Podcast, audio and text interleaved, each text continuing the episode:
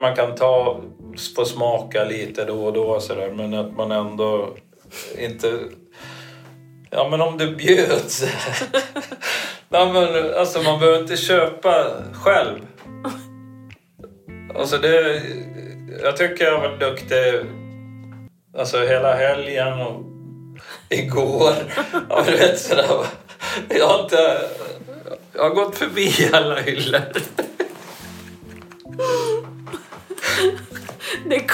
Commitment på hög nivå.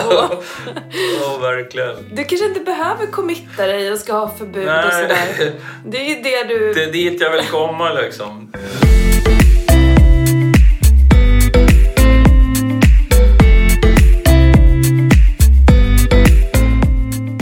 Alla har ett lagom. Det kan vara allt, det kan vara inget eller så är det någonstans där mittemellan. I den här podden guidar jag personer att definiera sitt lagom och coacha dem i den riktningen de vill mot sin egen lagom livsstil. Välkommen till Lagompodden! Mm, det ljudklippet vi hör är ju då när Pierre ska försöka förklara hur han ska äta och förhålla sig till mat och alkohol och godsaker. Hans så kallade triggers som gärna får honom att äta lite mer än han hade tänkt. Och en del av honom vill alltid så strama åt och ta i lite hårdare och ta bort vissa saker och gärna ha något förbud. Eh, samtidigt så har han inte alls någon lust med det. Han vill bara ha det så lite enkelt och skönt. Och eh, sen vi lärde känna Pierre så har ju han velat gå ner i vikt och han har också gjort det med bravur. Eh, och det har ju inneburit ganska så strikt kosthållning, begränsad mängd godis, snacks, alkohol för att han ska ha fått den effekten som han önskar. Och just nu är inte viktmålet i fokus för att han håller en bra vikt och då behöver inte heller ramarna vara lika hårda.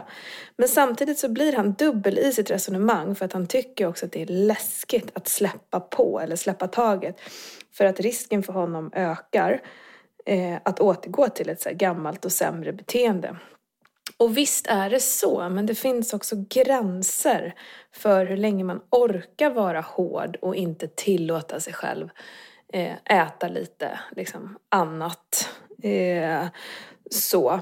Och jag tror ju på en jämvikt i det här. Att liksom kunna njuta av den där så kallade skräpmaten eller vad man nu lägger i det. Men att vardagar och liksom den största delen av ens tid är bra och hälsosam för att kunna hitta liksom eh, sitt lagom. Så här. så här, på det här viset äter jag.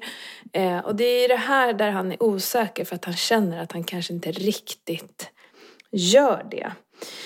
Eh, och man brukar, det finns ju någon så floskel som säger att man kan ju äta allt men inte alltid. Och så är det ju verkligen. Eh, frågan är ju då vad det där inte alltid ska betyda.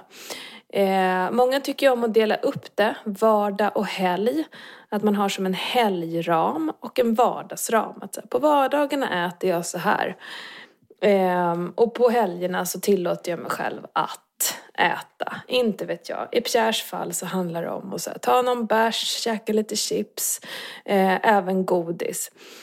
Och att då kanske ha sin ram att så här mycket är okej okay för mig. Och har man en sån ram, då är man också skyldig sig själv att faktiskt kunna njuta av den där stunden.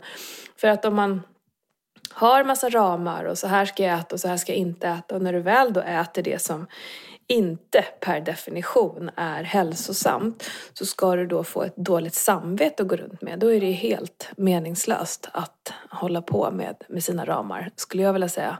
Eh, så har man en ram där man tillåter sig lite mer eh, så får man också njuta av det. 90-10 brukar eh, vara någonting som vissa tycker om att förhålla sig till. Att så här, tänka 90% av så som jag äter och rör mig och tränar och så här, det är okej, okay, det är bra.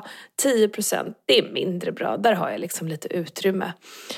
Eh, och det här, hur man än vänder och vrider på det så handlar det om att så här, att ens livsstil rimmar med det som man vill ha.